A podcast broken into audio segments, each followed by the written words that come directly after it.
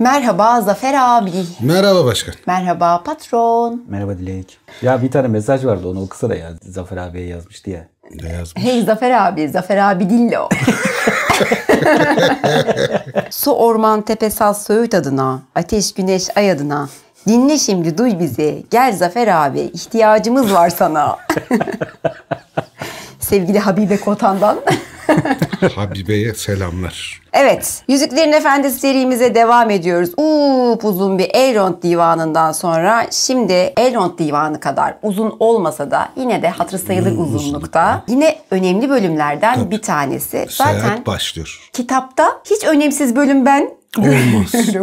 Yani kitapta genel olarak önemsiz bölüm yok. Çünkü şey yani kitap bir bütün olarak çok değerli olduğu için bu kadar kalıcı bir kitap. Evet. Herhangi bir şeyi değiştirdin mi ondan sonraki bütün olayların değişmesi gerekiyor. Hiç bütünlüğü bozamıyorsun kitapta. Şu anda Elrond divanından sonraki bölümdeyiz. Evet. Bölüm 3. Bu bölümün ismi Yüzük Güney'e gidiyor. Yüzük güneye gidiyor. Buyur. Eldork Divanı'nın öğleden sonra tamamlanmıştı zaten. Ondan sonraki saatler Hobbitlerin tamamı Bilbo'nun odasına toplanmış kendi aralarında muhabbet ediyorlar. Hobbit toplantısı yapıyorlar yani. Yemek yediler. Tabii yemek Karınlar yediler. Kesin- doydu. Yoktu zaten Bilbo ağlardı yemek yemesi. Kesin yemesi lazım. Şey yapıyor Pippin. Bu haksızlık diyor. Elrond Sem'i gizli olarak divana katıldığı için zincirleyip azarlayacağına ödül olarak bir de seninle beraber seyahate devam edeceğini söyleyip ödüllendirmiş diye söyleniyor falan. Frodo kızıyor bu sefer. Diyor ki bunun bir ödül olduğuna emin misin? Yani ne kadar korkunç bir yolculuğa çıktığımızın farkında değil misin sen diyor. Bence diyor bunu bir ödül olarak değil aslında Sem'in kendini cezalandırması olarak görmen gerekiyor. Çünkü yani kimsenin kabul edeceği, çıkabileceği bir yolculuk değil. Bu büyük sorun diyor yani ödül değil. Mary muhabbete katılıyor. Biz seni değil diyor. Sem'i kıskanıyoruz. Çünkü sen zaten bu görevi üstüne aldın, devam edecektin ama Sam ekstradan dahil olmuş oldu ve biz bu durumda arkada kalıyoruz. Oysa diyor biz beraber başladığımız bir işi beraber devam ettirmek gerektiğine inanıyoruz. Çünkü sen bizi burada bırakıp devam edersen bunca maceradan sonra biz ne olursa olsun aylık vadede yaşamaya devam bile ediyor olsak bundan hicap duyarız, utanırız seninle gelmediğimiz için. Pippin hemen bunu destekliyor tabii. Aslında diyor benim kastettiğim de tam olarak bu diyor. Hobbitler kardeş gibi hep beraber hareket etmek zorunda. Biz diyor hep bir arada olmak zorundayız. Hem de bu gruba diyor bir zekanın katılması gerekli. O yüzden de benim gelmem gerekiyor diyor. yani. Bir zekiyim. Yani. Gandalf o sırada alçak olan pencereden kafasını uzatıp diyor ki o halde diyor senin seçilemeyeceğin kesin Pippin diyor. yani bir zeka gerekiyorsa senin seçilemeyeceğin kesin. Artık boşuna tartışıyorsunuz diyor. Daha diğer katılacaklar kimlerdir nelerdir falan onlar hakkında da bir karara varılmadı. Ve diyor saatlerce konuştunuz diyor. O kadar ne konuştunuz o zaman? Bilbo o sırada çok diyor ilginç şeyler konuştuk. Uzun uzun her şeyden bahsettik. Hatta Gandalf bile afalladı diyor. Legolas'ın Gollum ile ilgili haberini duyunca işte Gimli'nin antıklarını falan duyunca diyor şaşırdı kaldı falan. Gandalf sen diyor benim dediklerimi hiç iyi dinlememişsin Bilbo diyor. Öyle bir şeye falan şaşırmadım. Beni en fazla şaşırtan şey diyor senle Frodo'nun hikayesiydi. Buraya geliş hikayesiydi. Ben bunlardan başka hiçbir şeye şaşırmadım. Hem iyi dinleseydin bilirdin ki Ortanç Kulesi'nden Gvahir'le beraber kaçarken Gvahir Gollum'un hikayesini bana anlatmıştı. Zaten haberim vardı. Olsun diyor gene de şaşırmışsın diyor Bilbo. Frodo ile Sam'in seçilmesinden başka bir şeye karar verilmedi zaten diyor. Sadece onlara karar verildi. Başka bir şeye karar veremedik. Ben diyor zaten korktum diyor. Beni devre dışı bırakıp yeğenime bu görevi verecekler falan diye. Hep bundan çekiniyordum ve bu başıma geldi. Fakat daha çevreden diyor bilgi toplanacak, raporlar gelecek, ulaklar gönderilecek falan. Canınızı sıkmayın uzunca bir süre daha bu ayrık vadide dinlenmek zorundasınız. Gandalf da evet diyor yani keşif kollarını gönderdi Elrond. Kuzeye, güneye, doğuya, batıya bütün bu keşif kolları harekete geçti. Kolculara haber verildi diyor. Herkes bir yerlere gitti diyor. Bir şekilde diyor bu kara suvarilerin durumu ve çevrenin durumu raporlanmadığı sürece burada rahat hayatınıza devam edebilirsiniz. Ondan sonra seyahat başlayacak. Sam de ah diyor kışa kadar bekleyelim. Bu ayazda kışın ortasında gidelim o zaman diye söyleniyor. Yapacak bir şey yok diyor Bilbo. Bu da biraz da Frodo'nun kabahati aslında. Şairden ayrılmak için diyor kendi ve benim doğum günümü bekleyeceğine diyor daha erken ayrılmış olsaydı zaten bu kadar kargaşa çıkmadan bu işler halledilmiş olacaktı. Ama diyor şöyle de bir durum var. Artık rapor gelmeden yola çıkamazsınız. E raporun gelmesi de kışı bulur sanırım diyor. Kışın seyahat başlayacak ve bir ezgi mırıldanmaya başlıyor. Isırmaya başladığında kış,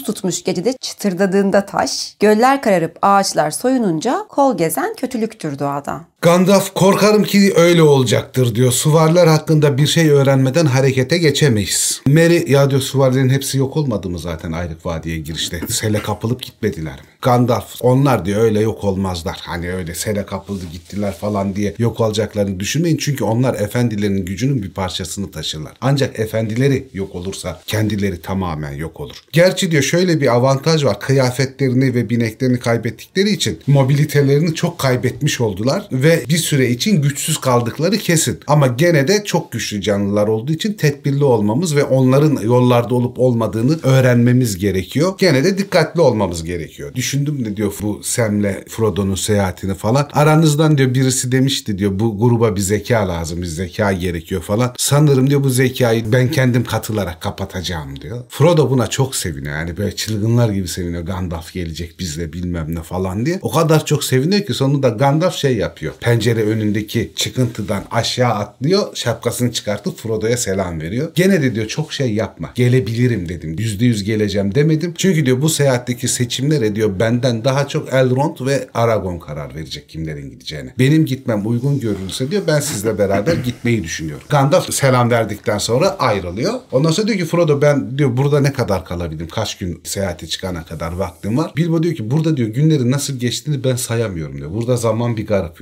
Lorient'de de aynı hikaye vardı. Demek ki yüzüklerin olduğu yerlerde bir zaman algısının değişme oluyor. Lorient'de olduğu gibi. Bazen diyor ardı arkasına gidiyor. Bazen çok uzun günler oluyormuş gibi geliyor. Kaç gün kalacağını bilmiyorum ama hemen alelacele yola çıkmayacağını söyleyebilirim. Belli bir süre daha burada dinlenebilirsin. Bu arada da dinlenirken diyor kitabıma yardım edersin diyor. Sonuna da diyor güzel bir cümle buluruz. Frodo diyor ki bu kadar karanlık bir hikayenin sonunda diyor iyi bir cümle olacağını zannetmiyorum. Öyle deme diyor. Şöyle bir cümleyle bitmesi lazım. Kitaplar iyi bitmeli çünkü. Ve rahata erip hep birlikte sonsuza kadar mutluluk içinde yaşadılar. Bu cümleyle bitmeli hikaye. Taktı ya onu. Taktı onu. Frodo iyi olur da diyor inşallah diyor iş oraya varırsa hani hakikaten böyle bir durum olursa Sam de şey diyor nerede yaşayacakmış bunlar rahat ve huzurlu bir şekilde acaba diye soruyor.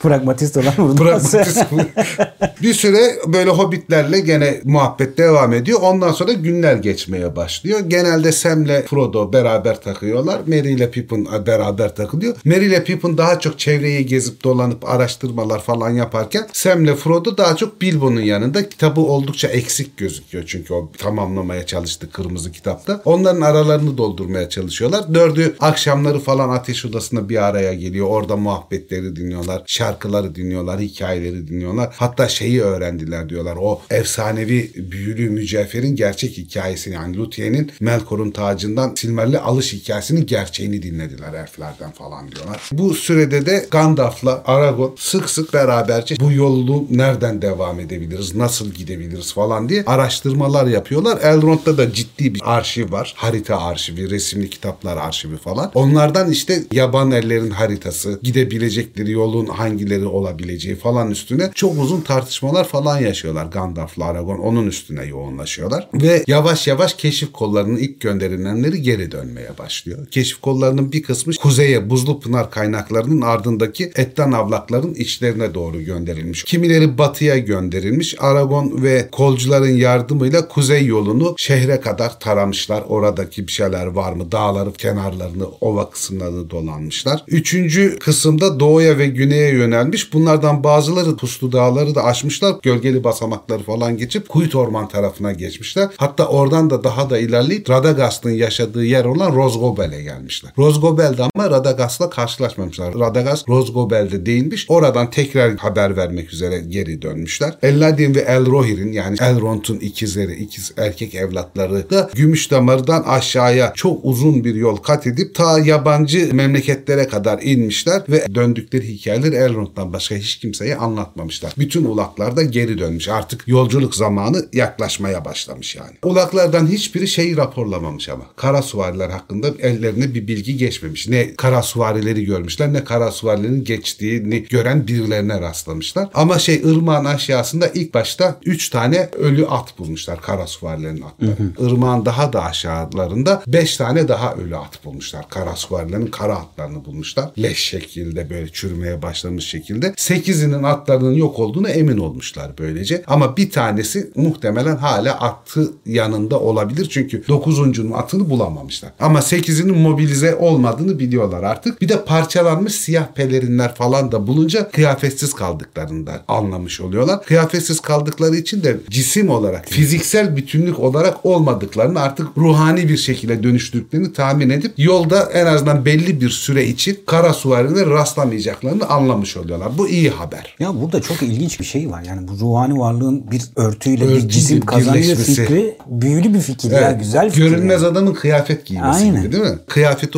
olmadığı zaman görünmüyor ama kıyafet giydiği zaman bir somutluğu var. Yani sistem evreninde bir mekanik bu. Evet, aynen. Ya o önemli bir şey bu. Gandalf da şey diyor. Demek ki diyor 9'undan 8'i diyor ne oldu belli. Birisini bilmiyoruz ama o birisi de tek başına onlarsız davranmaz. Bunlar diyor zar zor kendi o ruhsal halleriyle kesinlikle efendilerine dönmeye çalışıyorlardır. O yüzden de hani bizim önümüze çıkmazlar kısa vadede. Eğer diyor durum böyleyse tekrar başlamaları, tekrar bizi aramaları, bizim peşimize düşmeleri belli bir zaman alır. Ama tabii ki düşmanın sadece tek uşakları 9'lar değil. Çok başka uşakları da var diyor. Onların bizi takip ettiği Ayrık Vadi'nin çevresinde ve Yabanıl'da sürekli bizi gözetlemeye falan başladığını düşünebiliriz diyor. Ama diyor şu bir gerçek artık daha fazla seyahate çıkmak için gecikemeyiz. Bir an evvel yola çıkmamız gerekiyor. Elrond hobbitleri yanına çağırıyor. Frodo'yu çok ciddi bir şekilde süzüyor. Yüzük taşıyıcısı olarak hani ona bir bakıyor. Zaman erişti diyor. Eğer yüzük yola çıkacaksa bir an önce çıkmalı. Lakin onunla birlikte gidecek olanlar daha bu görevleri üstlenmediler. Daha kimlerin gideceğine karar verilmedi. Görevlendirme yapılmadı. Düşman topraklarına hiç yardımsız gitmesi lazım diyor yüzük taşıyıcısının. Onun yanına diyor eski günlerdeki bir tabur elfim de olsa versem kifayetsiz kalırdı. Burada hikayedeki diyor en önemli gücümüz dikkat çekmeden bu seyahate başlanmalı ve dikkat çekmeden tamamlanmalı. O yüzden size bir ordu vereceğimi ya da çok büyük askeri bir güç vereceğimi düşünmeyin. Gönüllü uygun elemanlar bulabiliriz diyor. Frodo'ya da şeyi soruyor. Sen diyor hala kararlı mısın yüzüğü taşımaya? Bu görevi almakta ısrarlı mısın? Frodo evet diyor. Seninle birlikte gideceğim. ben." O halde diyor nasihatle bile daha fazla bir yardım sağlayamayacağım size. Tutacağınız yolun diyor sadece diyor çok zor, karanlık ve tehlikeli olduğunu söyleyebilirim. Zaten diyor gölge o kadar ilerledi ki artık puslu dağlara kadar geldi. Yabanılın ancak belli bir kısmına kadar görebiliyorum gidebileceğiniz yolu. Ondan sonrası karanlık tarafından, gölge tarafından kapatıldığı için devamını göremiyorum. O konuda bir bilgi veremeyeceğim. Burada da neyi hatırlıyoruz? Yoda'nın karanlık taraf gölgeliyor, gerçeği göremiyoruz. Güç perdeleniyor dediği hikaye burada hemen hemen aynı mantıkta var. Elrond'da güç gölgeleniyor ve artık puslu dağların daha ötesini tahmin edemiyorum, göremiyorum diyor. Gölge artık dağların eteklerine kadar yürüdü. Hatta Grisel'in sınırlarına kadar yaklaştı. Gölgenin altındaki her şey benim için karanlık. Birçok düşmanla karşılaşacaksınız diyor. Çok korkunçları da olacak. Çok sizin için basit gelenleri de olacak. Ama şunu da unutmayın ki hiç ummadığınız bir anda umulmadık dostlarla ve müttefiklerle de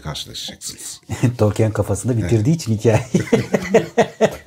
Ben diyor bütün diyor tanıdıklarıma falan sizin yolculuğunuzdan haberdar edeceğim. Ulaklar göndereceğim. Haberli olacaklar. Ve size rastladıklarında size çok yardımcı olacaklar. Ama şöyle bir durum var ki diyor yollar falan o kadar tehlikeli ki belki diyor kimi haber verdiklerim size yetişemeyecek. Siz geçip gitmiş olacaksınız. Kimileri de sizin yolunuza çıkmayacak. Siz başka yollar tercih edeceksiniz. Ama gene de umulmadık müttefikleriniz olacak. Ben elimden geleni yapacağım. Bir de diyor sizin yanınıza kısmet olduğu yere kadar sizinle gidecek yoldaşlar seçeceğim diyor. Sadece ikiniz gitmeyeceksiniz. Ümidiniz hıza ve gizliliğe bağlı. Güçle alakalı değil diyor sizin başarınız. Hızınıza ve gizliliğinize bağlı. O yüzden sizin yanınıza askerler, elf savaşçıları falan zaten elimde yok öyle bir kuvvet de veremem de diyor. O ne olacağını açığa çıkartır hikayenin. Yüzün yoldaşları da 9 olacak. 9 Nazgül'e karşı 9 yoldaş olacak diyor. Ve bunlar hür halklardan seçilmiş olacak diyor. Bir tanesi dostun Gandalf size gelecek. Ona karar verdik diyor. Elflerden Legolas gelecek. Cücelerden Gloinollu Gimli gelecek. Ve diyor insan ırkını temsilen de diyor Araton oğlu Aragon sizinle beraber seyahat edecek. Çünkü diyor Isildur'un laneti, yüzüğü onu diyor zaten kan olarak çok ilgilendiren bir şey. Sam'le Frodo var. Esem'le Frodo var. Şey diyor Frodo, aa diyor yol gezer bizle mi geliyor falan seviniyor. Aragorn da diyor ki seninle geleceğim için çok sevinçliyim diyor. Umarım senin için de iyi bir şeydir bu. Sen de seviniyorsundur falan. O da diyor ki senin gelmen için yalvarabilirdim Aragorn diyor. Yani sen yeter ki gel benimle. En çok istediğim yoldaşlardan biri sendin diyor. Çok mutlu oluyor ama diyor sen Boromir'le Minas Tirith'e gitmeyecek miydin? Öyle konuştunuz. Ben diyor zaten Minas Tirith'e Boromir'le beraber gideceğim. O yüzden diyor yoldaşlardan biri de diyor Boromir olacak Minas Tirith'e kadar.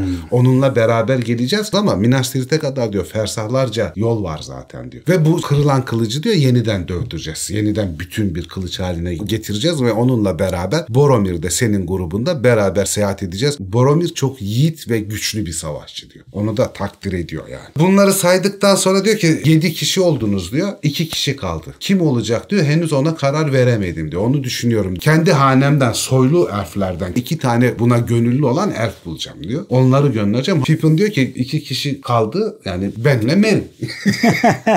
Bizim gitmemiz gerekiyor diyor. Biz ondan ayrılmak istemiyoruz diyor. Biz Frodo ile beraber gitmek istiyoruz. Orta dünyanın gördüğü en büyük savaşlar sonuçta ya, abi. Biri Glorfindel zeka şeyi, biri zeka küpü. ben sizin gitmenizi çok doğru bulmuyorum falan diyor Elrond. Ama diyor şey yapılamaz diyor Pippin. Ha, bizi engelleyemezsin diyor. Olmadı kaçak olarak takip ederiz falan diyor. Elrond'a dayılanıyor. Gandalf o sırada umulmadık bir şekilde araya giriyor. Sizin de dediğiniz gibi bu görevin tamamlanması için diyor güce ihtiyacımız yok diyor. Güçle halledebileceğimiz bir görev değil. Hiçbirimiz de diyor açıkça ileriyi görmüyoruz. Neler olacağını, neler biteceğini ne ben ne sen görebiliyorsun. Hobbitler diyor tehlikeyi anlayabilselerdi senin dediğin gibi. Gönüllü olmazlardı zaten. Ama tehlikeyi anlayamadıkları için çok hevesliler. Ve bu heveslerini de kırmamak lazım. Çünkü diyor bu görevde kimin ne tür bir yarar sağlayacağını önceden bilmemiz mümkün değil. Ayrıca belki de tehlikeleri anlasalardı ve burada da kalmayı seçselerdi hayatları boyunca utanç duyacakları bir şey seçmiş olurlardı. Bunların ruhlarına zarar verirdi. O bakımdan diyor bunları tutmamız çok akıllıca değil Elrond efendi diyor. Sen diyor bunların yerine Glorfindel ve bir başka elf savaşçısı da e Glorfindel bile diyor Karakule'yi tek başına gidip yıkacak birisi değil. Ve çok dikkat çekici olacak. İşaret fişeği gibi. Evet Glorfindel. işaret fişeği gibi. Parıl parıl parlıyor adam yani. Hakikaten. Parıl parıl Şey parlıyor. Ben geliyorum.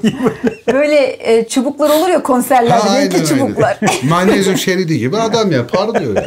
Elrond mühim şeyler söylüyorsunuz da diyor benim kuşkularım var bu konuda. Şair'ın da diyor artık tehlike altında olduğunu hissediyorum. Bu iki hobbiti diyor şaira geri gönderip oradakilerin uyarmalarını ve kendilerince bir direnç sağlamaları için örgütlenmelerini düşünüyordu. Pippin'a bakıyor diyor ki hele diyor Pippin kadar genç çünkü Pippin onların arasındaki en genç hobbit. Bu kadar genç bir hobbitin bu kadar tehlikeli bir göreve gitmesine gönlüm razı gelmiyor diyor. Ha, kıyamıyor Pippin'a da. Pippin diyor ki siz beni geri gönderirseniz diyor, ya çuvala koymanız lazım ya beni zincirlemeniz lazım. Zoraki göndermeniz lazım. Çünkü böyle yapmazsanız biz bu kafilenin ardından siz istemeseniz bile takip ederek gideriz. Elrond mantıklı bir adam olduğu için bu tartışmayı çok fazla uzatmayıp madem öyle diyorsunuz diyor Gandalf'ın da onayı var. Bu kafiledeki son iki kişi Merry ve Pippin siz olacaksınız. Bu kafileye dahil oldunuz. 9'a 9 sayıları eşitledik. Ondan sonra Elendil'in kılıcı elf demirciler tarafından yeniden dövülüyor ve birleştiriliyor. Burası çok önemli işte. Tabii. Filmde çok büyük ayraç var burada. Orada şeyde miğfer dibinde getiriyordu Elrond ona dövülmüş kılıcı mesela. Tabii. Miğfer dibinde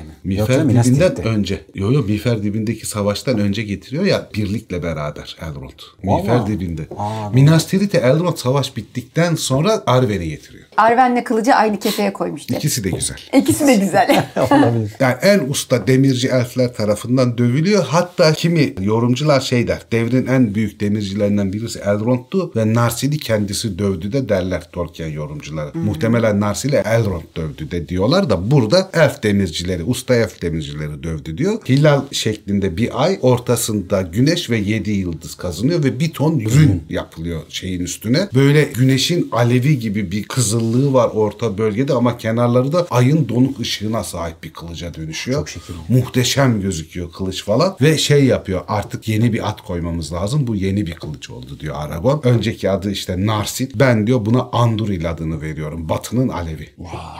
Oyununu düşünüyor.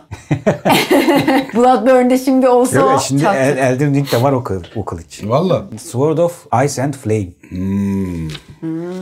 Senin heyecanın ondan kaynaklanıyor. Yok ama tahmin ediyorum nasıl bir kılıç olduğunu. Tamam. Şekilli. Bu batının alevini yaptıktan sonra gene Aragorn'la Gandalf yol planları falan üstüne konuşuyorlar. Frodo, Merry, Pippin falan kendi aralarında muhabbet falan ediyorlar. Şeyleri falan dinliyorlar işte daha önce de demiştik. Büyük elf şarkılarını dinliyorlar, öğreniyorlar. Büyük elf efsanelerini öğreniyorlar. Birinci çağ hikayelerini falan da öğreniyorlar. Artık son günü sabah yola çıkacakları günün sabahı Bilbo'yla yalnız kalıyor. Frodo Bilbo'nun odasında. Bilbo yatağın altından bir sandık çıkartıyor. Sandığı açıyor. içinden bir kılıç çıkartıyor. Diyor ki bu kılıcı sana vermek istiyorum bu seyahat boyunca kullanman için falan. Kılıcın üstündeki kınından bir açıyor. Pırıl pırıl Sting. Ve çok ufak bir hareketle meşe ağacına saplanı veriyor Sting Bilbo'nun elinden. Frodo çok hayret ediyor bu kılıcı bana hediye ediyor falan Allah'tan diye. elfler görmemiş elinden alırdı.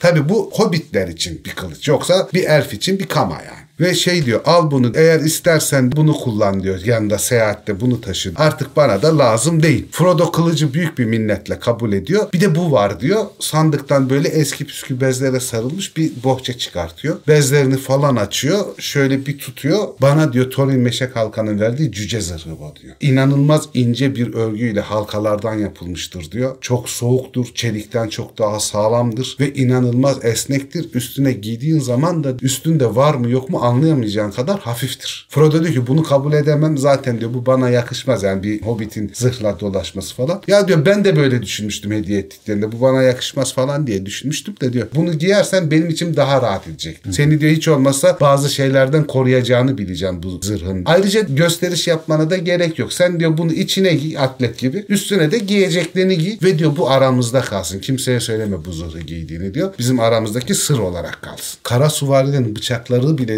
bu zırhı deleceğini zannetmiyorum diyor. O yüzden bunu giymen senin güvenliğin açısından benim de iç huzurum açısından çok önemli. Zırhı da şey yapmış bu Ayrık Vadi'ye dönerken Belek evine bırakmış yani Hobbitleri müzesine bırakmış oraya uğramış müzeden almış zırhı da. Ben de diyor bunu eski maceralarımı hatırlayın falan diye almıştım. Zaten bunu diyor giyeceğim miyeceğim yok benim diyor. Hatıraları hatırlamak için almıştım sadece. ya o, o taraf benim çok hoşuma gidiyor. Müze var. Ne, ne sergiliyorlar acaba orada? İşte çok... bir o ne?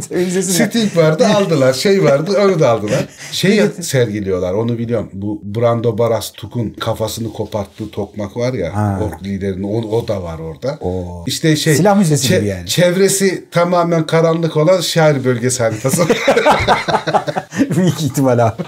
Onlar falan var yani. Bilbo'nun arzusuyla diyor zırhının gizli kalmasını abi. Evet Bilbo neden? tembih ediyor. Bu gizli kalsın diyor. Neden olduğunu söylemiyor. Sence? Bir- Biraz şey yapıyor ya. Hani bu zırh sende kalsın istemiyorum. Bu bana yakışmaz bilmem ne falan. Herhalde orada onu razı etmek için böyle özel bir hikaye kurguluyor Bilbo. Hmm. Kendi aralarında hani sen bunu giy kimseye çaktırma falan diye. Onu razı etmek için söylüyor muhtemelen. Özel bir malzeme olduğu için Tabii de çok belki. özel bir malzeme çünkü şey diyorlar ya yani Mithril zırh bir kenti satın alabilirdi 3. çağda diyorlar. Tek bir Mithril zırh koca bir kenti satın alabilecek pahadaydı. Bir de ona Thorin vermişti değil mi? Thorin ona hediye ediyor Bilbo'ya. Şimdi Gimli görse onu hemen tanır valla. Gimli görse tanır tabii. Ya bir de şöyle güzel bir tarafı var. Şimdi yazar tarafından da bakarsan okuyucuyu ortak ediyor diğerlerine karşı. Evet. Diğerlerinin bilmediği bir şeyi okuyucu, Okuyucu biliyor. bilmiş oluyor. O yüzden ileride karşılaşacağı bir şeyi okuyucu bilirken oradaki karakterler bilmediği için sen keyif alıyorsun. Oradaki karakterleri şaşırtıp okuyucunun onları Keyif şaşırtanlardan biri olarak kurguluyor. Frodo biraz naz ediyormuş gibi davranıyor ama sonunda kabul ediyor. Onları alıp altına giyiyor. Üstüne kendi kıyafetlerini giyiyor zırhın. Teşekkür ederim Bilbo falan diyor. Bilbo böyle omzuna pat pat vurup hiç kalkışma diyor. O diyor taş gibi oldun artık sana da vurulmuyor diyor. Elim acıdı diyor zırhtan dolayı. Bir teşekküre bilmem neye falan gerek yok diyor. Her hobbit birbirine yardımcı olmalıdır zaten. Senden rica edeceğim şudur diyor. Şayet ben ölmez de ömrüm vefa ederse ikinci bir kitap daha yazmak istiyorum. Sen döndüğünde bana maceralarını detaylı bir şekilde anlat. Ben de o ikinci kitabı senin maceralardan yazayım. Böylece diyor iki kitabım olsun falan diyor. Ve o sırada böyle susuyor. Pencereye böyle derin derin bakarken gene bir şarkı söylüyor Frodo'ya. Aynı ben. Her fırsatta bir şiir, bir şarkı. Sen de hobbit sayılırsın Dilek. Hobbit sayılırım evet.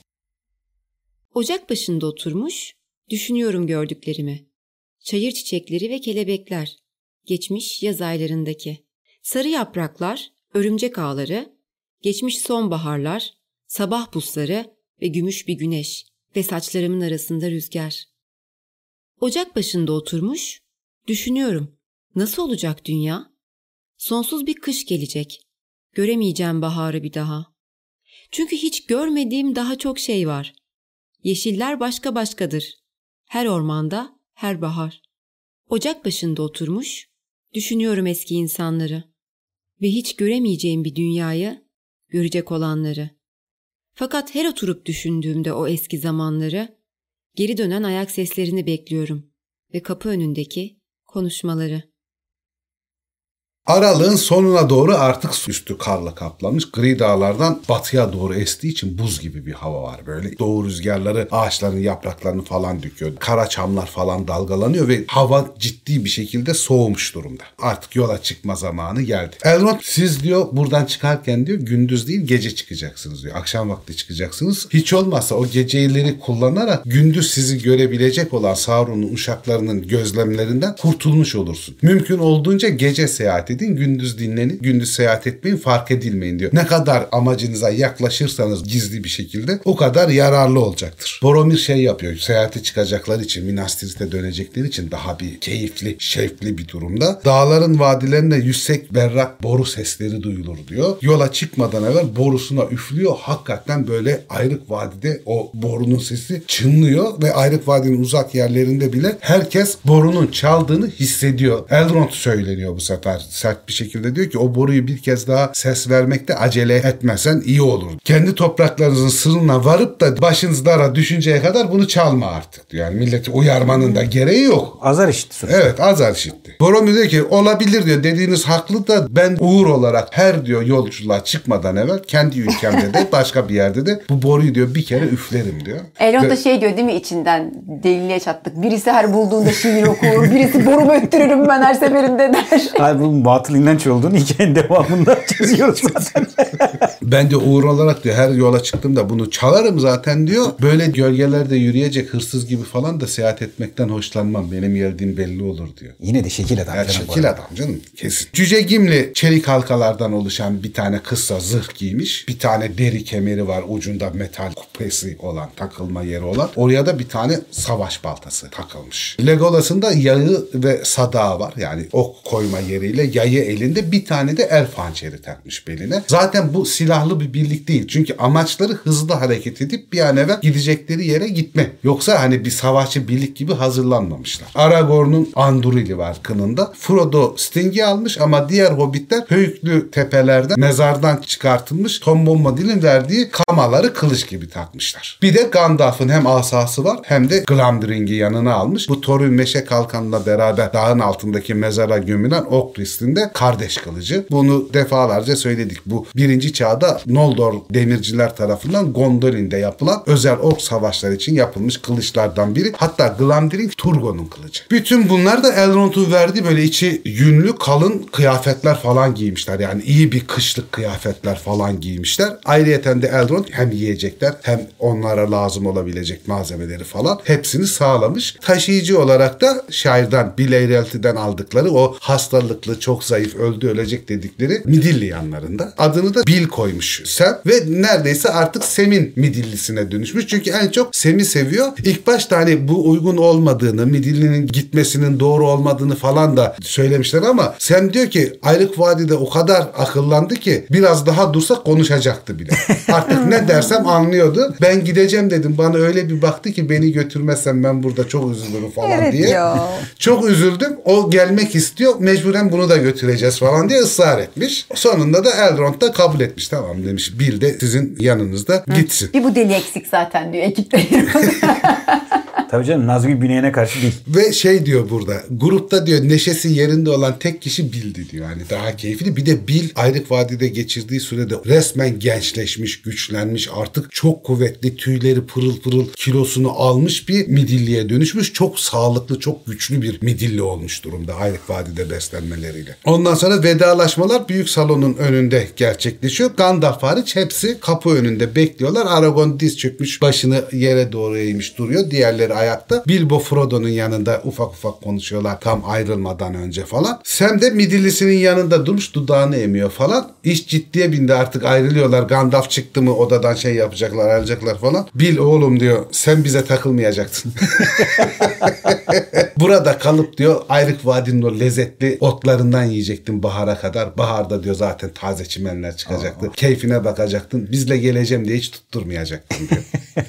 Ama Bil tabii ki hiçbir şey demiyor yani.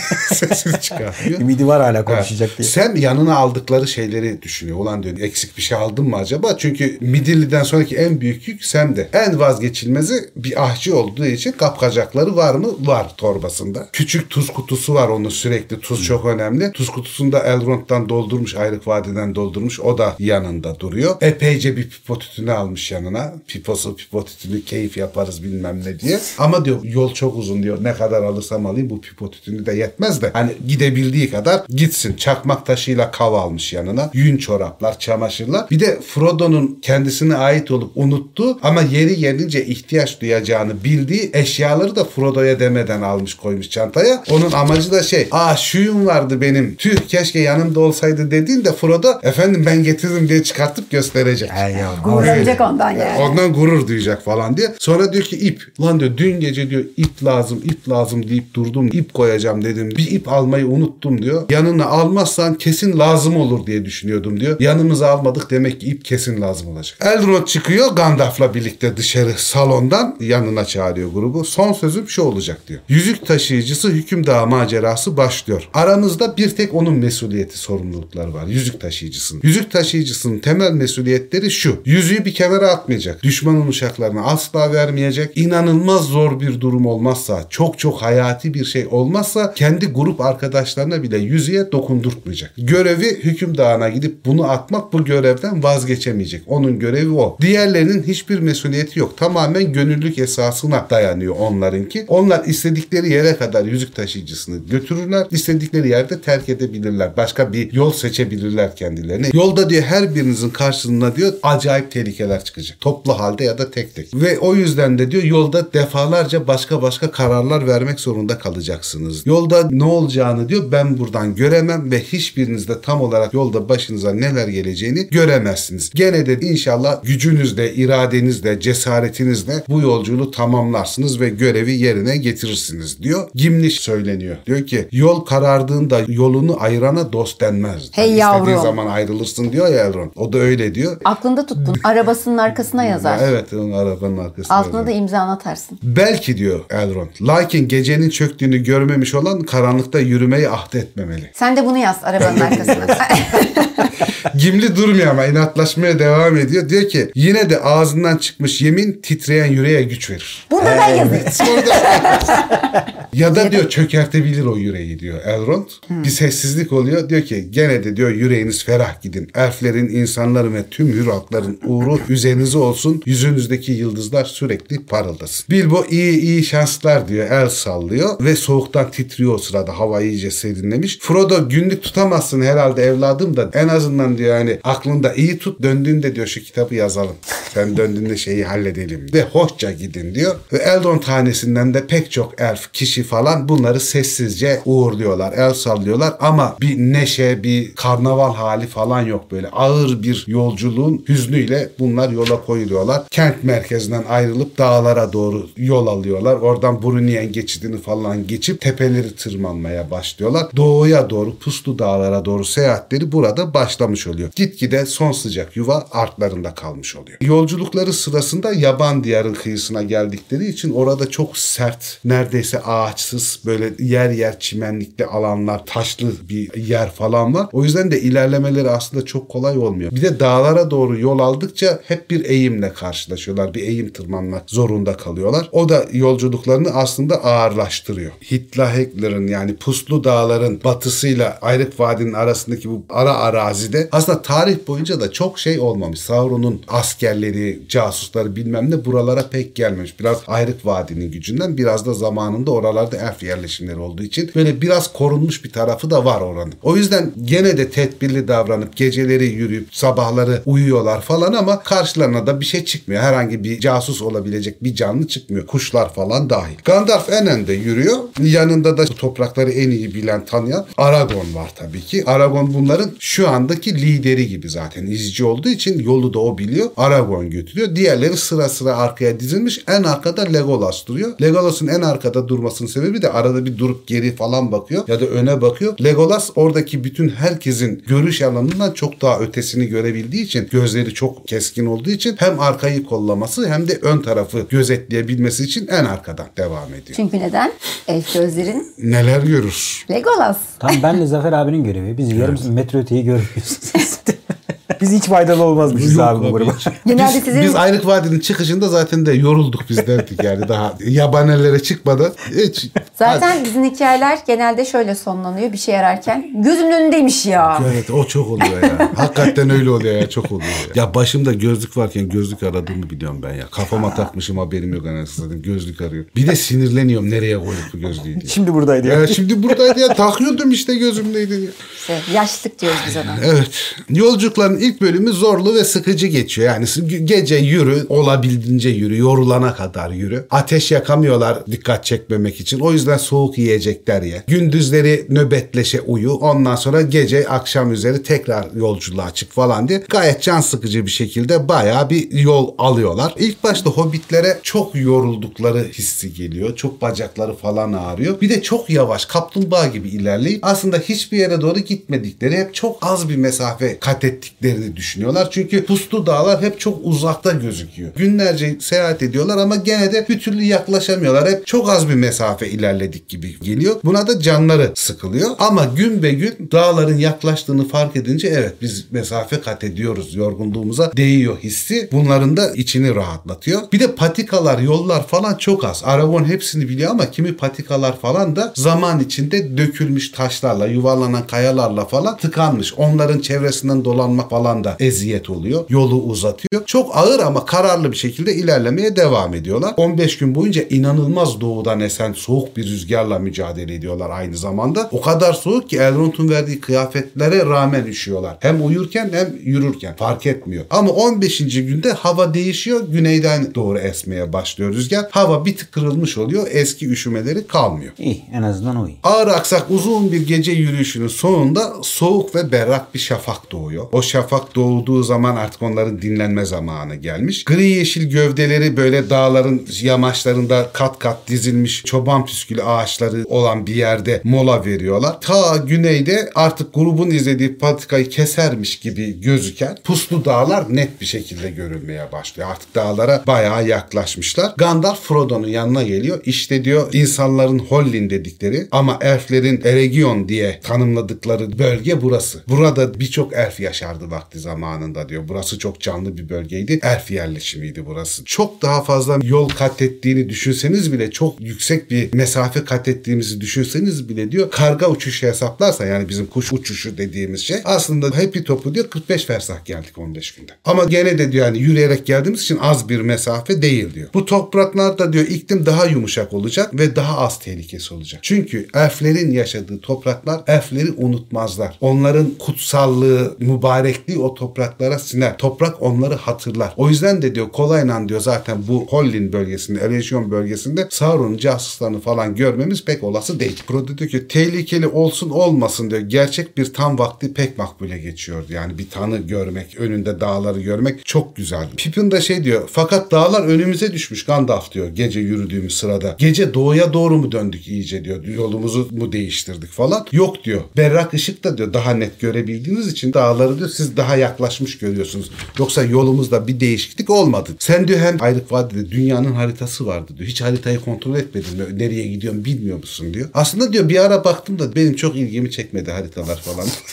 Bu işlerle diyor daha çok Frodo ilgilenir diyor. Onun aklı basıyor. Ben öyle üstün körü bir baktım diyor. İncelemedim. Legolas'la birlikte gelmiş olan Gimli çukur gözlerinde garip bir ışıkla ileri bakmaktaydı. Puslu dağlara doğru bakmaktaydı. Benim haritaya ihtiyacım yok. İşte vaktiyle atalarımızın çalıştığı memleket. Bu dağların biçimlerini metal ve taştan yaptığımız nice eserlere nakşettik, işledik diyor. Yani buradaki dağları görüntüsünden biblolar yaptık ya da işte yaptığımız zırhlara bu dağların görüntüsünü işledik falan. Önlerinde 3 tane diğerlerinden daha yakın dağ duruyor. 3 adet. Diyor ki çok güzel isimler ya. Evet abi, hakikaten. Baraz, Zirak, Şattur dağları. Uyanıkken sadece bir kere uzaktan görmüştüm bu dağları. Hiç bu kadar yakınına gelmemiştim. Ama diyor ben bunların hepsinin isimlerini bilirim ve nasıl olduklarını da iyi tanırım. Çünkü Karakuyu yani Erft yerinde Moria denilen Kazattum, Cüce Gazuv yatıyor bu dağların Buyur. Zafer abi şey, alttan reklam verdi. Evet.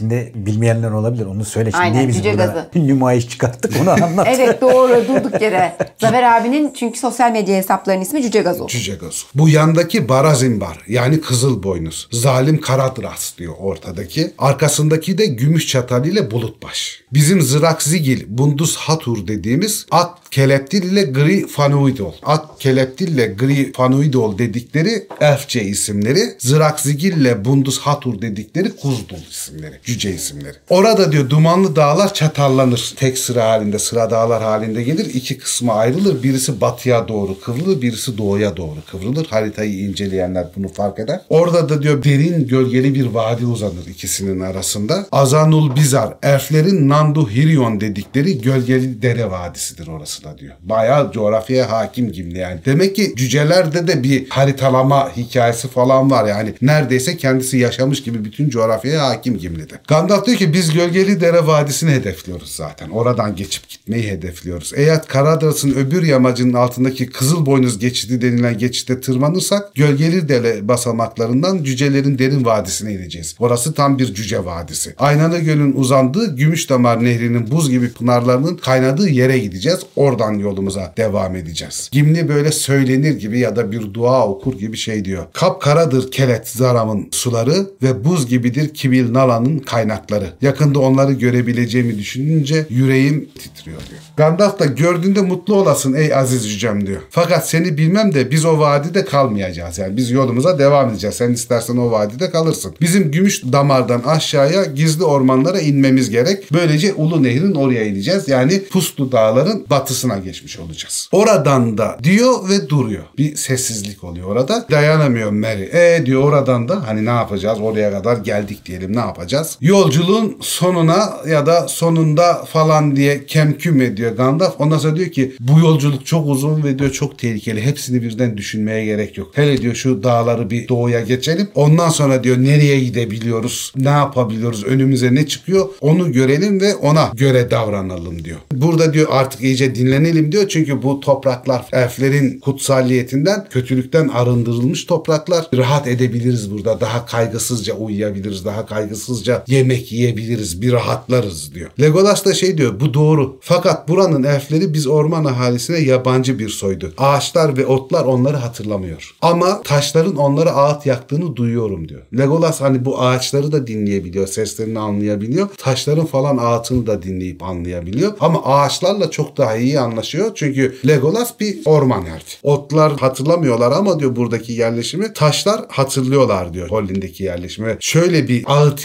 yakıyorlarmış taşlarda eski günlere ithafen. Derin derin kazdılar bizi, ince ince işlediler, yüksek yüksek inşa ettiler ama gittiler. Gitmişler diyor Legolas. Çok zaman önce limanların yolunu tutmuş buradakiler. O sabah oralarda yerleşiyorlar, kamp kuruyorlar falan ve uzun zaman sonra ilk kez neşeli bir yemek yiyorlar. O toprağın verdiği canlılıkla, güvenle falan ve akşama kadar da rahatça uyuyorlar, dinleniyorlar. Akşam da gitmeyiz, öbür gün sabah gideriz diye düşünüyor. Gandalf diyor ki burada gündüz ve gece kalalım, dinlenelim, yolumuza öyle devam edelim. Ama Aragorn sessiz ve düşünceli. Biraz onlardan uzaklaşıyor dağlara doğru, tepenin sırtlarına doğru bakıyor, dağlara doğru bakıyor falan ve bir şeyleri dinlediği, kulak kabarttığını falan fark ediyor gruptakilerde. Ondan sonra küçük vadinin kenarına dönüp aşağıda gülüp eğlenen hobbitlerin yanına iniyor. Mary diyor ki hayrola yol gezer diyor. Neye bakıyorsun diyor. Doğu rüzgarını mı özledin? Doğudan gelen soğuk rüzgarı mı? Aragorn diyor ki aman eksik olsun. Fakat diyor bir şeyin yokluğunu hissediyorum. Hangi mevsim geçersem geçeyim diyor. Hollin topraklarında yaşamış halkların duygusunu hissederdim diyor. Tamam çok uzun süredir burada yaşayan bir halk yok. Binlerce yıldır burada hiç kimse yaşamadı falan ama diyor burada diyor hiç kuş sesi yok diyor. Tamamen sessiz. Sizin gürültünüz olmasa diyor ses çıkmıyor. Gandalf buna hemen kulak kabartıyor. Diyor ki ahalinin diyor nadiren görülüp duyulduğu bir yerde dört hobiti ve tabi diğerlerini görmenin verdiği şaşkınlıkla kaçmış olabilirler diyor. Onun sessizliğidir diyor. Aragorn inşallah onun sessizliğidir ama zannetmiyorum diyor. Başka bir şey var burada. Yani kuşlar uzaklaşmış buradan diyor. Bir tedirginlik var. Bir korku seziniyorum burada. Abi hepsinin de altıncı hissi ne kadar kuvvetli bütün şeyi. Aynen abi. Boromir kazma gibi kalıyor yanlarında. Değil ya. mi? Ki nasıl iyi bir adam aslında. Nasıl büyük bir savaşçı. Gimli. Gimli'nin de altın. de cüce ya. İşte tamam yani.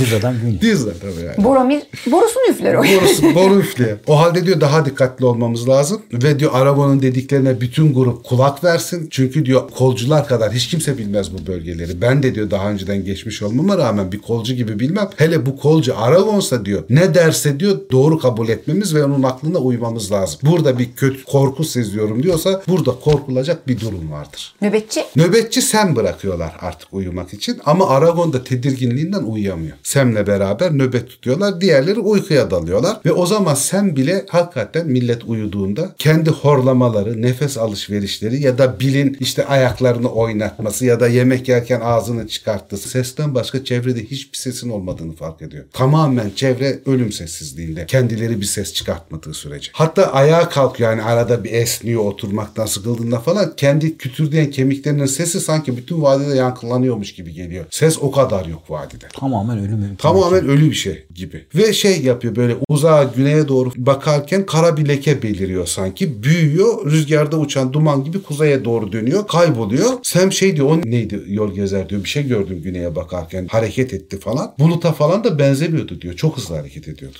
Aragon hiç cevap vermiyor ama Sam'in baktığı yer o da bakıyor. Odaklanmış tedirgin bir şekilde o da gözlüyor. Ve daha sonra da Sam kendisine doğru gelen bir şeylerin yaklaşmakta olduğunu hissediyor böyle gökyüzünden. Ve o gelenin böyle bir kuş sürüsü olduğunu fark ediyor. Onlara doğru böyle gökyüzünden bir karaltı halinde çok büyük bir bulut gibi bir kuş sürüsü geliyor. Aragon kuş sürüsü olduğunu Sam'le beraber anlar anlamaz ki burada da ilk seyahatleri hatırladığımızda Hobbitlerin arasında da en keskin gözlüsü Sam'di. Uzağa bakılacaksa Sam'i söylüyorlardı. Hobbit gözlerin neler görüyor Hobbit sen? gözleri neler görüyor. Aragorn'la beraber onun kuş sürüsü olduğunu anlıyorlar. Aragorn hemen Sam'e yat ve kesinlikle kımıldama diyor. Çekiyor onu çalıların arasına sokuyor. Kendisi de yatıyor. Üstlerinden böyle bir kuş sürüsü geçiyor. Sonra o kuş sürüsü geçip uzaklaştıktan sonra aralarından bir grup kuş tekrar onların üstünden dolanıyor ve tekrar yollarına devam ediyorlar. Bunlar iyice uzaklaştıktan sonra artık kuş sürüsü görünmez olduktan sonra Aragorn Sam'i de tutup kaldırıyor. Kendisi de kalkıyor ve gidiyor Gandalf'ı uyandırıyor. Kara karga bölükleri dağlarla Grisel arasından uçuyor. Grisel nehirdi bildiğiniz üzere. Holin üzerinden geçtiler diyor ve buraların yerli kuşları değil. Buralarda yaşayan kuşlar değil. Fangon ve Garpelin'den gelme krabayinler olabilir. Krabayinler bir karga türü. Neyin peşindeler bilmiyorum diyor. Belki diyor bir şeylerden ürktüler. Güneye doğru yollarına devam eden bir sürü. Belki bizimle alakası yok. Belki de karanlıkların habercileri olarak geziyorlar bilmiyorum ama benim hoşuma gitmedi bu sürünün buralarda dolanıyor olması. Hollin diyor artık bizler için tekin bir yer değil demek ki diyor. Yani o elflerin eski kudreti diyor hala var ama artık eski koruyuculuğunda değil. Buralarda zayıflamış falan deyince Gandalf diyor ki bu durumda diyor Kızıl Boynuz geçidi, Karadras geçidi gözleniyordur. Ve diyor oradan görünmeden nasıl geçeriz benim bildiğim bir yolu yok. Fakat bunu zamanı gelince düşünmemiz lazım diyor. Hava kararır kararmaz hareket etmeye başlamamız gerekiyor. Korkarım diyor gece dinlenmesi yattı yani sabah değil artık gece yolumuza devam edeceğiz. Aragon'da neyse diyor Allah'tan diyor ateş yakmıştık ama ateş çabuk geçti. Dumanı da dağılmıştı. Kuşlar ateşin dumanını fark etmemiştir. Kuşlar geçerken ya da uzakta gördüğümüzde ateş zaten sönmek üzereydi diyor. Onu fark etmemişlerdir. Gürültüye konuşmaya Pippin uyanıyor. Diyor ki al başına belayı diyor. Ben de burada bir yemek daha yeriz. Dinlenmiş olarak yolumuza devam ederiz falan diye düşünüyordum diyor. Gandalf diyor ki sen diyor umut etmeye devam et diyor güzel yemek sıcaklık için falan. Ama diyor önünde hiç beklemediğin ziyafetler bekliyordu olabilir seni belli olmaz. Bana soracak olursan ben de rahat rahat bir pipo içmek, ayaklarımı ateşe doğru uzatıp bir parmaklarımı ısıtmak falan isterdim ama koşullar diyor bunu sağlamıyor. Güneye gittikçe diyor hiç merak etme diyor. Hava ısınacak. Biz güneye doğru devam edeceğiz. Sen de diyor ki haddinden fazla ısınacağı garanti. Ama artık diyor şu ateşli dağ görüp de yolculuğumuz bir tamamlansa ben de diyor ilk gördüğümde diyor şu dağların diyor ortasındakini Karakros'un o ateş dağı zannettim de yolculuğumuz bitti diye seviniyordum diyor. Çünkü diyor burada Tolkien Sam diyor haritalardan falan hiç anlamazdı. Çok uzun bir seyahat yaptıklarını düşünüp orada yine vardıklarını zannediyordu. Umursamadığı için coğrafyayı bilmem neyi falan hani sadece amacına yönelik biri olduğu için diyor. Bu coğrafya hakkında bilgisi yok. Daha önünde miller, yüz millerce yol olduğunun farkında değildi. Sam şey de diyor Gimli Kuzlu adlarını söylüyor ya dağların falan. Ya diyor bu cücelerin dili de diyor çok gakkuk bir şeymiş.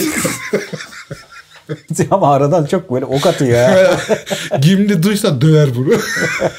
Aragon hemen toparlıyor bunları. Soğuk bir yemek yiyorlar gene atıştırıyorlar falan ve grup yoluna devam ediyor. Ara ara bu kara kuşlar kerebayin denilen karga türü bunların üstüne yaklaşıyor. Gene oralarda döne döne dolaşıyorlar demek ki. Yolculukları sırasında bunlar geçerken saklanıyorlar. Kuşlar uzaklaştıktan sonra yollarına Karadras'a doğru devam ediyorlar. Aragon da o yolları bildiği için bayağı düzgün patikalar falan bulabiliyor Ama gene de her bulduğu düzgün patika bile yokuş yukarı ilerlediğinden ve kimi işte yuvarlanmış kayalarla, taşlarla ya da çok kuvvetlenmiş çalılarla falan kapalı olduğu için yer yer zorluklarla karşılaşıyorlar. Ama en azından belli bir tempoyla ilerleyebiliyorlar. Şafağın ilk kıpırtılarından hemen önce iyice soğuk saatler gelmiş. Çünkü zaten günün en soğuk saati şafağa en yakın saattir. Hani günümüzde de böyle bu. Frodo gökyüzüne bakıyor. Birden yüksekteki yıldızların önünden bir gölgenin geçtiğini görüyor. Sanki yıldızlar bir anlığına solmuş gibi hissediyor böyle. Ve şey diyor Frodo, üzerimizden geçen bir şey gördün mü diyor Gandalf'a. Gandalf hayır diyor ama her neydiyse hissettim. Hiçbir şey olmayabilir. Belki de ince bir bulut dokusudur bilemem ama bir şey geçtiğini hissettim. Çok hızlı hareket ediyor diyordu Aragon. Hiçbir bulut öyle hareket etmez. Rüzgar bulutlar bu kadar hızlı hareket ettirmez. Bir tedirginlik ikinci kez bunların üstüne binmiş oluyor. O gece yalnız başka bir şey gelmiyor başlarına. Ertesi sabah bir gün öncekinden daha parlak bir şafak söküyor. Ama gene de hava soğuk ve rüzgarlı ve tekrar doğuya dönüyor rüzgarlar ve gene bunları üşütmeye başlıyor. İki gece daha yollarına devam ediyorlar. Tepeleri dolana doluna. Üçüncü sabahta Karadras önlerinde yükseliyor. Artık Karadras'ın eteklerine gelmiş durumdalar. Tepesi gümüşsü bir taşla taşlandırılmıştı diyor Karadras'ın. Tam tepesinde böyle beyaz bir halka var. Tepesine kar yağmış. O yüzden böyle sanki bir taş takılmış gibi duruyor. Şu Karadras. Fuji Dağı gibi. Fuji Dağı gibi. Fakat kenarları tamamen şey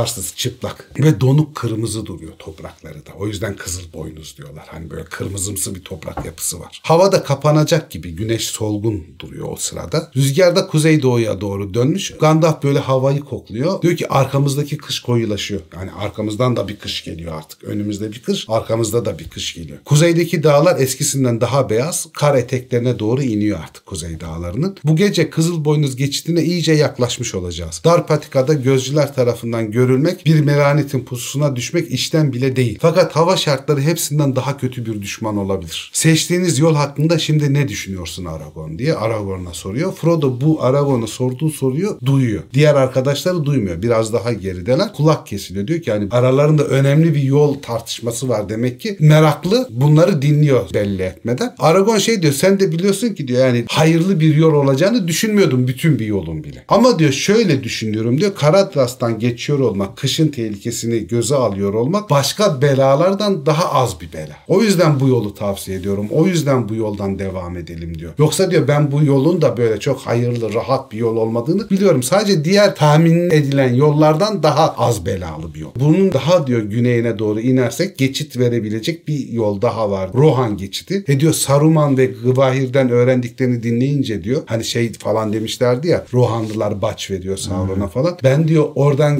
geçerken diyor ya Rohanlılar bizi yakalarsa ve hakikaten kötü tarafa geçmişlerse onun diyor garantisini bana veremezsiniz ve onlara karşı ne yapacağımızı bilemiyorum. O yüzden diyor Rohan geçidinden de geçemeyiz. Bir şekilde diyor mecburuz buradan geçmeye. Gandalf da yani o konuda diyor ben de garanti veremem. Rohan'ın değişip değişmediğini bilmem neyi falan ama bir yol daha var diyor. Karadras geçidi değil bu yol diyor. Konuşmuş olduğumuz daha karanlık ve gizli bir yol. Yani o yoldan bir daha konuşmayalım Gandalf diyor. En azından grup içinde konuşmayalım. Kendi aramızda tartışalım Karatras mı o gizli ve belalı yol mu? Tam bir net karara vermeden diğer bir seçenek olduğunu arkadaşlarla paylaşmayalım diyor. Ama diyor Gandalf da daha ileri gitmeden bir karar vermemiz lazım. Karadras'tan mı geçeceğiz, diğer taraftan mı geçeceğiz? O halde diyor biraz dinlenelim. Kafamızda bu Karadras geçiti meselesini tartışalım. Herkes kampını kuruyor dinlenirken bu ikisi biraz daha uzakta gene muhabbetlerine devam ediyorlar Gandalf'la Aragorn. Geri geliyorlar ve Karatras geçitinden geçmeye karar verdiklerini söylüyorlar gruba. Kışın zorlu şartlar falan olacağını da bildiklerini ama geçebilecekleri en iyi yolun bu olduğunu söylüyorlar. Frodo'nun içi rahatlıyor. Çünkü bu belalı bir yol, alternatif bir yol dediğinde Gandalf Aragorn'un bile biraz korktuğunu falan hissedince demek ki diyor o yol korkunç bir yol. Yani iyi ki o yolu seçmediler. İyi ki Karadras geçitini geçmeyi deniyoruz. Gandalf diyor ki son zamanlarda gördüğümüz işaretlere göre diyor korkarım ki Kızıl Boynuz geçiti gözetleniyor. Ayrıca arkamızda yaklaşmakta olan hava şartları hususunda da kuşkularım var. Kar tipi olabilir. Bütün hızımızla gitmemiz lazım. Öyle bile olsa bütün hızımızla gitsek bile yani yolumuz açık bile olsa kar tipiye yakalanmasak bile en az iki günlük geçide yolumuz var. Hani öyle kolay da bir yol değil. Dağa tırmanacağız geçide kadar diyor. Ve hazır olur olmaz yola çıkmamız lazım. Gece karanlığından faydalanmamız lazım. Boromir ben bir tavsiyede bulunmak isterim diyor müsaade ederseniz. Ben Ak Dağların gölgesi altında doğdum ve yükseklerde yolculuk yapmanın yabancısı da değilim. Bu dağlarda bulunmanın yabancısı da değilim diyor. Öbür tarafa inmeden önce keskin bir soğukla karşılaşacağımız garanti diyor doğu tarafına geçtiğimizde. Tabi diyor daha kötüsü başımıza gelmezse. Gizleneceğiz derken donarak ölmenin bir yararı yok diyor. O geçişte geçtiğimizde donarak da ölebiliriz. O yüzden diyor benim fikrimce yola çıkmadan evvel herkes taşıyabileceği kadar odun alsın yanına. Yakacak odun alsın. Lazım olursa diyor ateş yakmak için kullanalım. Gandalf diyor ki tek bir şeyle izin veririm bu odun toplamanıza. Şayet ölümle hayat arasında bir sıkışma olmadığı sürece o ateşi yakmanıza izin vermem diyor. Ama böyle bir ihtimal olduğu için toplayın diyor. Sem de bile diyor ki bil diyor biraz da diyor sen odun yüklenebilirsin değil mi diyor. Bil anlamlı anlamlı sebebe diyor.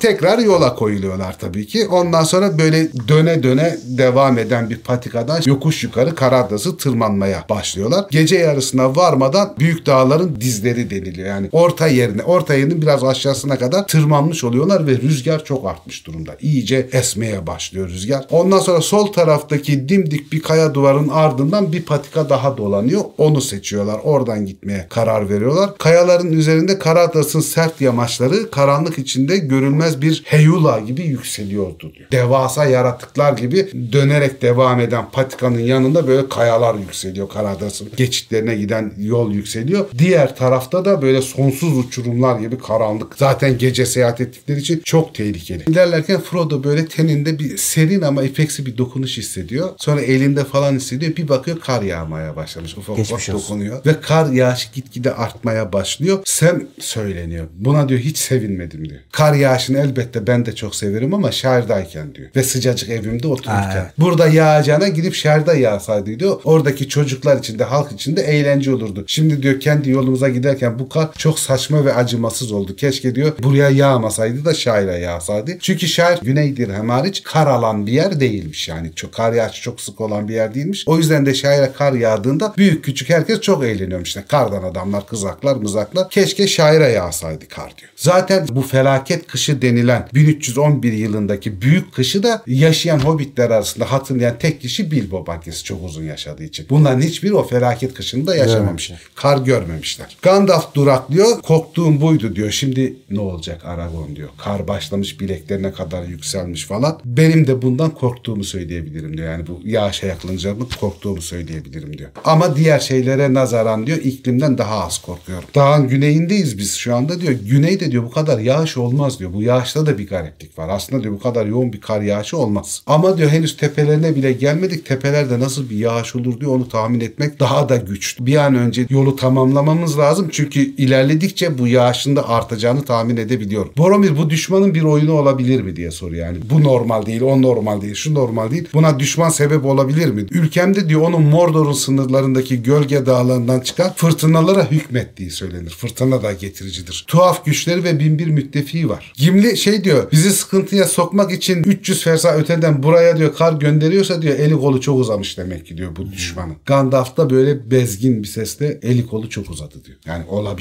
Onlar duraklamışken rüzgar bir an duruyor böyle aralarında konuşurken. Rüzgarın durup da fırtınanın kesildiğini hissedince hemen yola tekrar koyuluyorlar. Ama 200 metre gitmeden daha da kuvvetli bir şekilde fırtına başlamış oluyor. Yani burada da bir başka işin döndüğü anlaşılıyor. Durdular mı kesilen, yürüdüler mi hızlanan bir fırtına yüzünden. Düşe kalka falan biraz daha yürüyorlar. Hobbitler temelli zorlanıyor. Boyları çok küçük, çok güçlü değiller. İki büklüm oluyorlar falan. Ancak diğerlerinin arkasında fırtınayı onlara siper yaparak ilerlemeye çalışıyorlar. Frodo'nun ayakları kurşun gibi ağırlaşıyor. Pippin iyice geride kalıyor zaman zaman. Pippin'i bekliyorlar. Her cüce gibi sağlam olan Gimli zahmetle ilerliyor artık. Çünkü onun da bacakları daha kısa olduğu için diğerlerinden kar iyice kapatmaya başlıyor. Boromir daha fazla ilerleyemeyeceğiz diyor buradan. Bu küçük arkadaşlar diyor boğulacak karda ölecekler. Yaşaması için daha ileri gidemeyiz. Üstümüze de diyor yukarıdan taşlar maçlar düşüyor bunlar giderken. Birileri mi fırlatıyor diyor. Bir büyü sonucu mu oluyor bilmiyorum. Yoksa rüzgar koparıp da diyor tam bizim üzerimize mi fırlatıyor bilmem. Ama taşlar maçlar da birimizin kafasına falan düşecek. Devam edemeyeceğiz falan. Aragorn gönlünü pek tutmaya çalışıyor. Diyor ki ben rüzgar diyorum. Büyü olduğuna inanmıyorum diyor. Fakat diyor senin söylediğin de yanlış değil. Dünyada kötü düşmanca nice şey vardır ki iki ayaklı canlılara hiç sevgi beslemez. Bazıları bu dünyada Sauron'dan bile eskidir. Gimli diyor ki çok yıllar evvel daha bu topraklarda Sauron'un adı bile duyulmadığı zamanlarda Karadras'a zalim derlerdi. Geçit vermez Karadras derlerdi. Karadras'ın böyle bir kötülük yapabilme gücü vardı. Karadras bizim geçmemizi engellemeye çalışabilir. Saldırısını savuşturmadıktan sonra düşmanın kim olduğu pek fark etmez diyor Gandalf. Ha Sauron yapsın, ha Saruman yapsın, ha işte o Karadras izin vermesin. Sonuçta bir düşman bizi engelliyor ve biz bunu yenemiyorsak kimin engellediğinin bir anlamı yok diyor. Yani bu ilk başta bunu geçmemiz lazım. Pippin iyiydi diyor ne yapabiliriz diyor ve Merry ile Pippin hepsi böyle bir araya gelmiş büzüşmüş kalmışlar. Ya olduğumuz yerde duracağız ya da geri döneceğiz. Devam etmeye çalışmanın anlamı yok çünkü devam edemiyoruz. Eğer doğru hatırlıyorsam birazcık daha yükselince bu patika uçurumdan ayrılıp iki yanında uzun ve dik yamaçlar yükselen geniş alçak bir sel yatağına dalar. Orada kardan, taşlardan veya herhangi başka bir şeyden korunamayız. Tepemize taşlar yağar. Hani çok zorladık, ileri doğru gittik ama bu fırtınada ilerlediğimiz vadiyi geçemeyiz. Çok tehlikeli olur. Fırtına devam ederken geriye dönmek de bir fayda vermez diyor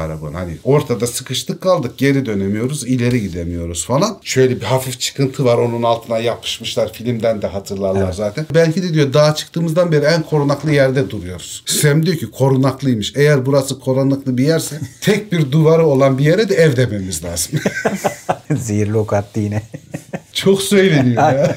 Grup artık birbirlerine iyice sokularak kayaların orada duruyorlar falan. Ne yapacağız, ne edeceğiz tam bilemiyorlar. Fırtına falan da iyice rüzgar böyle döne döne girdaplar oluştur oluştur yüzlerine falan da vuruyor. Bir anda Frodo böyle ısınıyormuş gibi geliyor. Böyle gözleri falan kapanıyor. Ağır bir uyku çöküyor. Bir rüyaya dalıyor. Bir ateşte parmaklarını ısıtıyor. Yanında Bilbo var. Bilbo şey diyor sen niye bu kadar çabuk döndün diyor Frodo'ya. Günlüğünü çok beğendiğimi söyleyemem. 12 Ocak'ta kar fırtınası sadece bunu yazmışsın diyor. Bunu haber vermek için geri gelmene hiç gerek yoktu diyor. Frodo da diyor ki dinlenmek ve uyumak istiyorum Bilbo diyor. Tam o sırada sarsıldığını hissederek rüyadan uyanıyor. Boromir tutmuş bunu karların içinden kaldırmış kurtarmış. Boromir şey diyor bu buçukluklar buradan diyor sağ salim kurtulamayacak. Devam edemeyiz artık. Bir şey yapmamız lazım diyor. Gandalf onlara bunu ver diye bir matara uzatıyor kendi çantasında. Herkes diyor tek bir yudum alacak. Ayrık Vadi'den Elrond verdi. Ayrık Vadi'ni ve Elrond'un özel içeceğidir. Mirivor diyor. Bir yudum yeterli. Herkes sırayla birer yudum alıyor hakikaten o mataradan. Ve alır almaz yürekleri cesaretle, güçle doluyor. Kendilerine gelmiş hissediyorlar. Ama kar bir türlü durmuyor ve gitgide kuvvetleniyor. Boromir diyor ki ateş yakmayı teklif ediyorum. Hayatla ölüm arasında kaldığımızda ateş yakabileceğimizi söylemiştim. Şimdi diyor bir ateş yaksak diyor en azından biraz ısınmış oluruz. Ne yapacağımıza karar veririz falan. Gandalf sinirli bir şekilde yakabiliyorsan yak diyor. Tabii hani bırak Boromir'in bir insan olarak o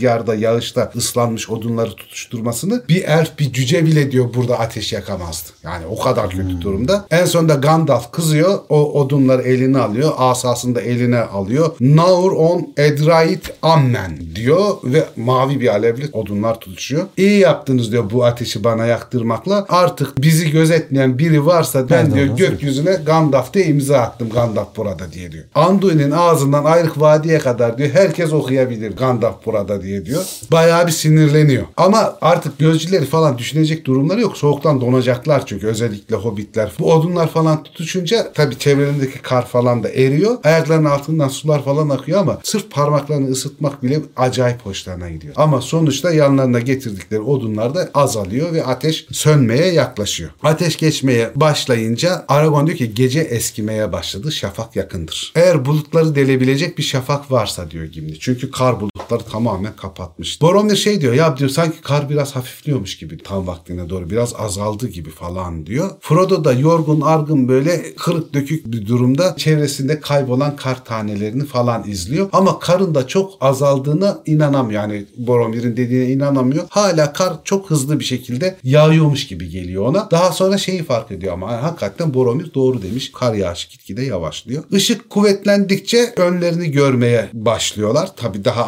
aydınlık bir hale geliyor. Gimli diyor ki Karadras bizi affetmedi. Yola devam edersek daha çok kar salacak üzerimize. Ne kadar çabuk geri inebilirsek o kadar iyi olacak. Artık geri dönelim ciddi bir şekilde konuşuluyor. Buna da kimsenin itirazı yok diyordu Tolkien anlatıcı olarak. Ama aşağı inişleri de çok zorlaşmıştır. Çünkü arkaları da karla dolmuş durumda. Nasıl bu karları aşacağız da ineceğiz bilmem ne falan hikayesi olurken Legolas şey diyor. Gandalf önümüzde diyor bir alev topu yapsa, karları erite erite yolu açsa diyor. Biz de onun peşinden gitsek diyor ne güzel olur, çok kolay olur falan. Kar küreme aracı. Ha, kar küreği Gandalf.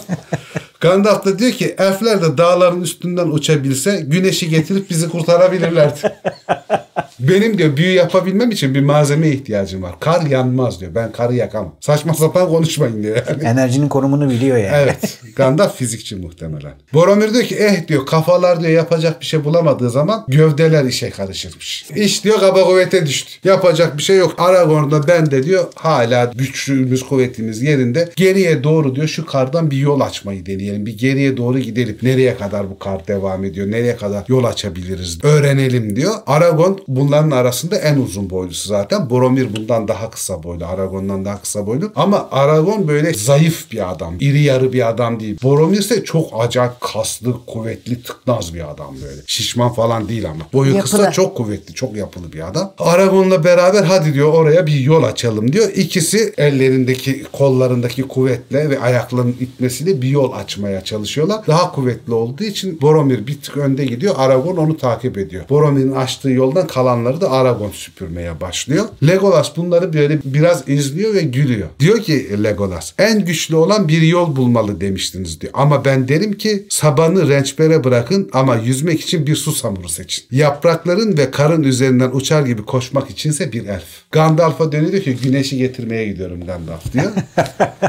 Legolas karın üstüne atlıyor ve kara batmadan yürümeye başlıyor karın üstünde. Bir bakıyorlar ki Legolas'ın ayaklarında böyle kar çizmeleri falan yok. Hafif deriden bir ayakkabı var yani. Ve şey karda çok az iz bırakarak karın üstünden yürüyor Legolas. Legolas iyice ileri doğru gidiyor. Aragorn ve Boromir de kayboluyor. Legolas da gözden kayboluyor. Onlar orada böyle biraz oturuyorlar, dinleniyorlar, bekliyorlar. Aradan belli bir süre geçiyor. Hala dönmüyorlar. Bir saat kadar geçtikten sonra Legolas daha önden geliyor böyle karın üstünden Bir yürüyor. de yürüyor. geçerken yanından onlara el sallamış değil mi abi? He şey Aragorn'la Boromir yanından geçerken de el sallıyor. Tamam. Zıpır. Herkes kendi şovunda.